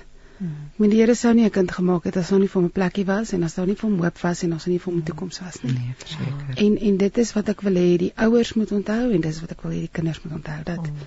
jy is hier en hier's vir jou 'n bepaalde hmm. werk eendag. Maak nie saak wat is jou uitdagings in die lewe nie. Hmm. En ehm um, en dit is waar die hoop vir my lê, is dat die Here sou nie een van daai ouetjies gemaak het as daar nie vir hom 'n plekkie in hierdie wêreld was nie. En as daar nie iets in hierdie wêreld was wat regtig iets wat daai kind het wat hierdie wêreld nodig het nie. Mm -hmm. hm. En dan kosbare uh, woorde daar. Mm. Wat jy sê oor ouers wat swaar trek, ouers trek mm. swaar. Hulle raak vuisfoos, hulle raak mm. moedeloos, hulle het nie vir hierdie pakkie gevra nie en dan kom mense baie keer baie goed bedoeld en sê vir so 'n ouer weet jy die Here het geweet vir wie om so kind te gee. Mm. Oh ja. ja. Mm. Dis die, dit is die seerste seer. Ja, en hulle dit, bedoel dit hulle so. bedoel dit nie so nie. Mm. En en weet jy dit is nie die Here wat ons dien wat besluit jy gaan bietjie seer kry en jy gaan bietjie swaar dra nie. Mm maar dat die Here groei deur dit en dat hy dit ten goeie laat meewerk is mm. is twyfel ek nie Amen. een oomblik aan nie. So daar kom groei en daar kom daar kom begrip. Ek wil graag ietsie sê, ek weet nie of dit nou oor oor sommer wat jy as mamma by die huis kan doen. Ja, um, ja, dis of da, of jou kind nou een of ander probleempie het of nie. En ek wil graag erkenning gee aan dokters Daniel Siegel en David Rock wat die Healthy Mind Platter ontwikkel het of daar gestel het. Hulle het hom sekerlik nie ontwikkel nie, maar dis hoe jou brein werk. Ek het dit so 'n bietjie verander. Ek praat van die radwerk van 'n gesonde brein.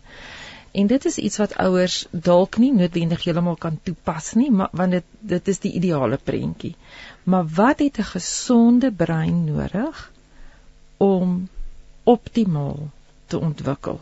En ek gaan gou-gou sê, jy kan vir 7 ure per dag gefokus werk. Dis nou wanneer 'n kind in skool is. Dan is daar 9 ure aanbeveel slaap. Nou lees ek nuwe navorsing sê die optimale tyd is eintlik 7 ure. Ek wag maar tot dit gefinaliseer is. Op hierdie stadium is dit nog 9 ure. 2 ure in 'n dag fisies aktief. 1 uur ontspan. 1 uur introspeksie. Ek kan weet nog nie wat dit is nie. So mamma sê, "Hoe was jou dag? Wat het gebeur? Hoe voel jy?" Soos bietjie dink daaroor. 2 ure kontaktyd. Sjoe, dit is En kontaktyd is nie terwyl mamma die pap roer nie. Hmm. Dis eintlik Mm -hmm. Ons ons gesels nou of ons doen nou hierdie projek saam of ons speel 'n sportspeletjie en dan gewone speeltyd wat ook verveeld verveling kan wees want verveling dink ek het ons kinders heeltemal te min vandag. Hmm. Daar's heeltyd stimulasie. Wat gaan ons nou wat kan ons nou doen? Verveling lei tot kreatiwiteit. Verveling lei tot. Want ons staan in die ry by die winkel en hmm. kyk maak ons daar Facebook oop. Ja ja ja. Ons weet nie meer hoe om net niks te doen. En as jy daai oomblik niks doen, ek mis beleef dit ja. vakansietye. Ja. Dis dan wanneer jy nuwe idees begin kry en, ja. en ek is so jammer dat ons kinders dit nie nie. So nou het ek 24 uur vir julle gegee. En in hierdie 24 uur is daar nou nie tyd vir huiswerk gewees nie, nê? Nee, nee, so dis hoekom julle ook dis hoekom ons die huiswerk vir jong kinders wegvat en net op lees fokus, want ons voel al hierdie ander dele, al hierdie ander belangrik, is belangrik. So, op watter stadium begin julle huiswerk gee? Glad nie in die laerskool. Kyk, uh, ons gee bietjie, hulle moet projekte voltooi. Ja. Hulle moet ja, hulle doen by die skool. Ehm um, en en natuurlik as daar 'n kind is wat 'n agterstand het. En weer eens daar daar is natuurlik as mens met kinders met probleme werk, is dit so 'n bietjie ietsie anders. Hmm. Maar as 'n kind 'n agterstand het, sal die juffrou nou 'n klompie werkstelle gee en sê hier is nie huiswerk wat môre oor môre of die dag daarna moet klaar wees nie, maar eers werk deur dit ter wille van jou kind, maar wanneer jy ja. ontspan. Maar daar nie onder druk wees nie. Maar selfs so volwassenes geld daarin. Verseker. Ek weet nie of daar 'n deel was vir tegnologie nie. Daar was nie. Nee, of daar was ja, wel nie. Die, die gefokusde ja, nee, dit is waar, maar ek ja, dink in gefokusde ja. tyd sal jy seker met tegnologie besig kan wees. En hoeveel is dit? Hoeveel 7 ure, ure gefokusde tyd? Nee, maar jy kan nie 7 ure op met tegnologie spandeer nie. Nee, nee, nee, maar dit is wanneer jy mense doen. Dis nee, wanneer jy weet, dit is dilemma waaroor ons gesels het. Ja. Kom ons luister na musiek. Um, ek dink dit is nou tyd Melanie Mani Jackson gaan vir sing. Hy nee, Adam Paul, wie gaan vir ons wat sing? Wys gou vir my hierdie rekenaar. Adam Barnard gaan vir ons sing. Hy is Een visie, een stem, een boodskap. Radiokansel 657 AM en 729 Kaapse Kansel maak impak op lewens van Gauteng tot in die Kaap. Jy luister met hart en siel het na 'n paar ehm um, heerlike WhatsApps deurgekom. Iemand sê Ek self het disleksie en aandagafleibaarheid en is aandagafleibaar. Ek het dit altyd vir mense weggesteek want ek was so baie gesê hoe dom ek is. Vandag werk ek met mense wat wat mense wat gestremd is en maak 'n verskil in hulle lewens. Dit is wat jy met jou lewe maak wat tel. Iemand anders wat nie 'n naam bygevoeg het nie sê God maak elke persoon perfek nes ons is. En dan sê Okkie Skooman, ek luister lekker na julle program. Dankie vir 'n great program. Ek is ook disleksies en 'n groot vriend van Sandra. Sy het my baie gehelp. En Sandra, jy het vir ons in die breek nou genoem oor Okkie. Ehm um, ja, wat 'n groot fabriek is. Wat 'n groot fabriek het wat skuurpapier maak en Afrika dit ehm um, uitvoer. So die enigste fabriek wat dit ja, maak? Nee? So talentvol. Altyd hoop al drie hierdie mm, mm. Uh, WhatsApps getuig net daarvan. Ehm um, ons ek wil nie, o, hier is iemand O, ek was ook 'n kleuterskool. Hierdie die persoon wat sê sy's perfek of God maak elke persoon perfek sê ek was 'n kleuterskoolonderwyser vir 15 jaar. So hy of sy mm, weet ook waarvan hulle praat. Gedagtes, ek wil eintlik voordat ons afsluit wil ek net kontak detail want ek weet mense gaan daarvoor vra en ek wil ook noem aan ons luisteraars direk na afloop van die program sal die kontakdetails beskikbaar wees by ons vriendelike dames van kliëntediens so jy kan as jy nie nou 'n pen of papier naby het nie maar miskien Sandra kom ons begin by jou. Waar kan mense meer oor oor julle akademie leer te weet kom? Ons webtuiste is www.sgda.co.za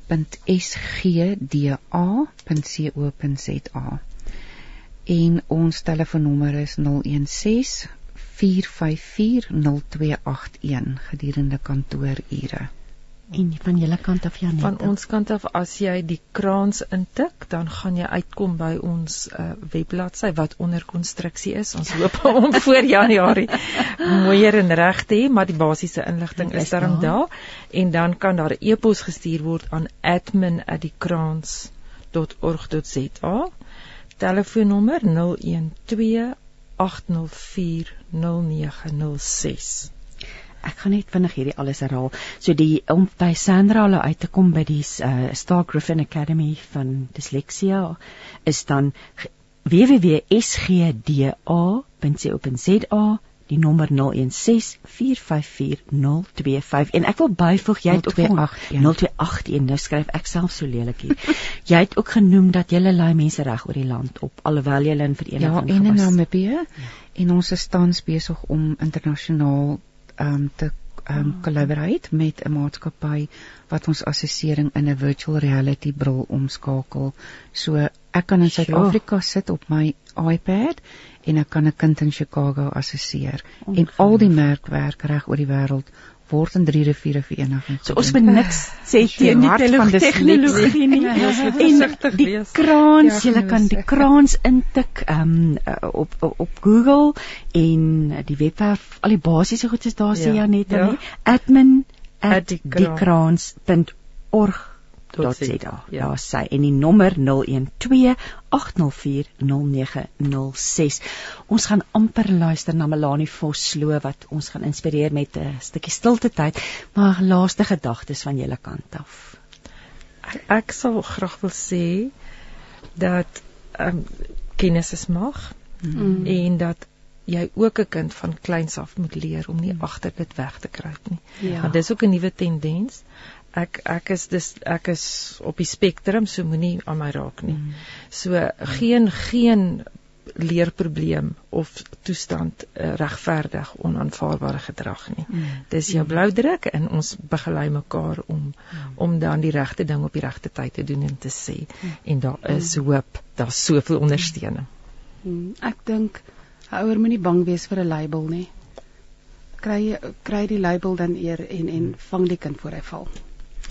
En ek wil net graag sê 'n uh, leerversteuring sonder 'n diagnose is 'n diagnose van geen leerversteuring nie. Ja. En ek wil uit my hart uit baie dankie sê vir die geleentheid oh, om dit met julle te kon deel. Daar sê kom ons luister dan Belani. Radio Kansel, jou daaglikse reisgenoot. 657 AM. Welkom by hierdie week se stil word.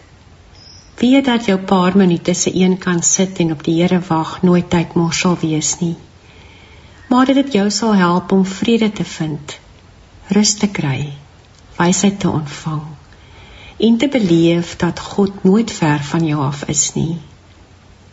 Soos Paulus in Handelinge 17 vers 28 skryf, mag jy beleef dat jy in hom leef, beweeg en is.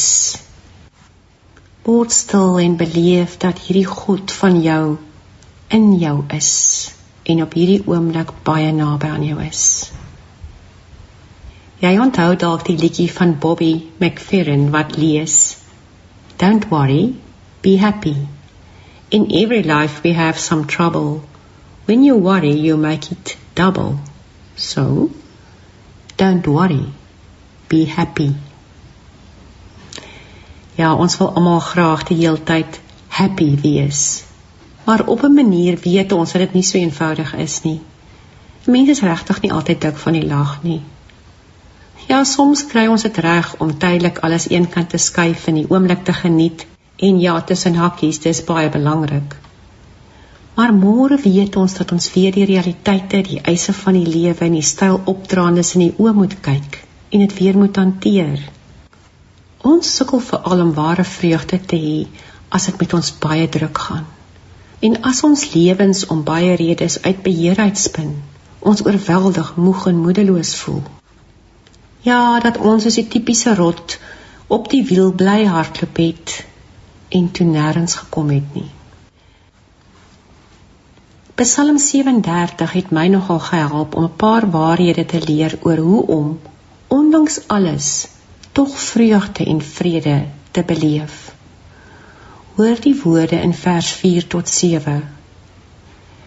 Wees elke oomblik bly dat jy die Here ken. Hy sal sorg dat jy kry wat jy wil hê. Stel jou lewe elke dag in die Here se hand. Vertrou op hom. Hy sal vir jou sorg. Hy sal jou op die regte pad hou. Ja, buig laag voor die Here. Wag op hom sonder om te veel te sê. Wat hoor ons in hierdie skrif? Ons hoor dat God ons nie dryf nie. Dat hy nie aan ons riglyne en maatstawwe stel wat ons moeg, gespanne en moedeloos maak nie, maar dat hy ons roep om in sy rus te reis, omdat hy reeds in die toekoms is en omdat hy vir ons wil sê dat ons hom kan vertrou. Dan sê hy hy sal ons ongedrewe maar geroepe op die regte pad hou. As jy oorspanne voel en beleef dat jou vreugde weg is, word dan vandag rustig in die God wat soveel groter as ons is. Soveel verder as ons kyk en ons met 'n sagte stem roep en sê: dat ek en jy maar regtig met groter rustigheid kan leef. Regtig kan opbou om onsself so te dryf en so te jaag. En dat ons eerder kan fokus op God wat ons roep. Op ons roeping in en deur die God wie se juk sag is. Hoor jy dit? God roep jou vandag vanuit sy toekoms, vanuit sy groter prentjie en sê dat jy saam met hom met rustigheid kan leef. Dat hy regtig in beheer is. Dat hy die goed is wat alles kan en sal laat gebeur. Natuurlik moet ek en jy ons verantwoordelikhede nakom, maar om uitermate gedrewe te wees en te dink dat ons die wêreld op ons skouers moet dra, dis die dinge wat ons moeg maak wat ons uitput en moedeloos maak. Word iemand wat minder as 'n gedryfde mens leef deur die wêreld en sy dinge wat jou so gespanne maak, saam met hom te hanteer. Vra hom om jou te help om die regte prioriteite te hê. Om tyd te maak vir dit wat belangrik is, vir wie belangrik is. En word dan rustiger in die wete dat jy 'n God het op wie jy kan hoop. 'n God het wat die wêreld, die planete, die heelal in sy hand hou.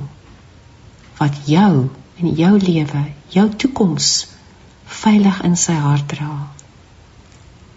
Ja, leef rustiger in die wete dat daar 'n God is en dit toe nie ek en jy is nie. Kom ons bid saam. Here, ek besef vandag dat ek dikwels so hard probeer om alles vir almal te wees. En dan dryf ek myself tot moeg wees toe. Dan dryf ek myself weg van myself af, van U af, van ander af. En Here, daar's geen vreugde te vind daarin nie. Help my om in en deur alles te weet dat ek maar net kan doen wat ek kan en dat U sal doen wat U is. Die heilige, almagtige, alwetende God wat die wêreld, ons land, ons familie, my werk wat vir my styf in U hand vashou. Here, ek haal vandag diep asem in die wete dat U groter is as wat ek ooit kan dink en dat ek maar net kan wees in U. Amen. Een visie, een stem, een boodskap. Radiokansel 657 AM en 729 Kaapse Kansel maak impak op lewens van Gauteng tot in die Kaap.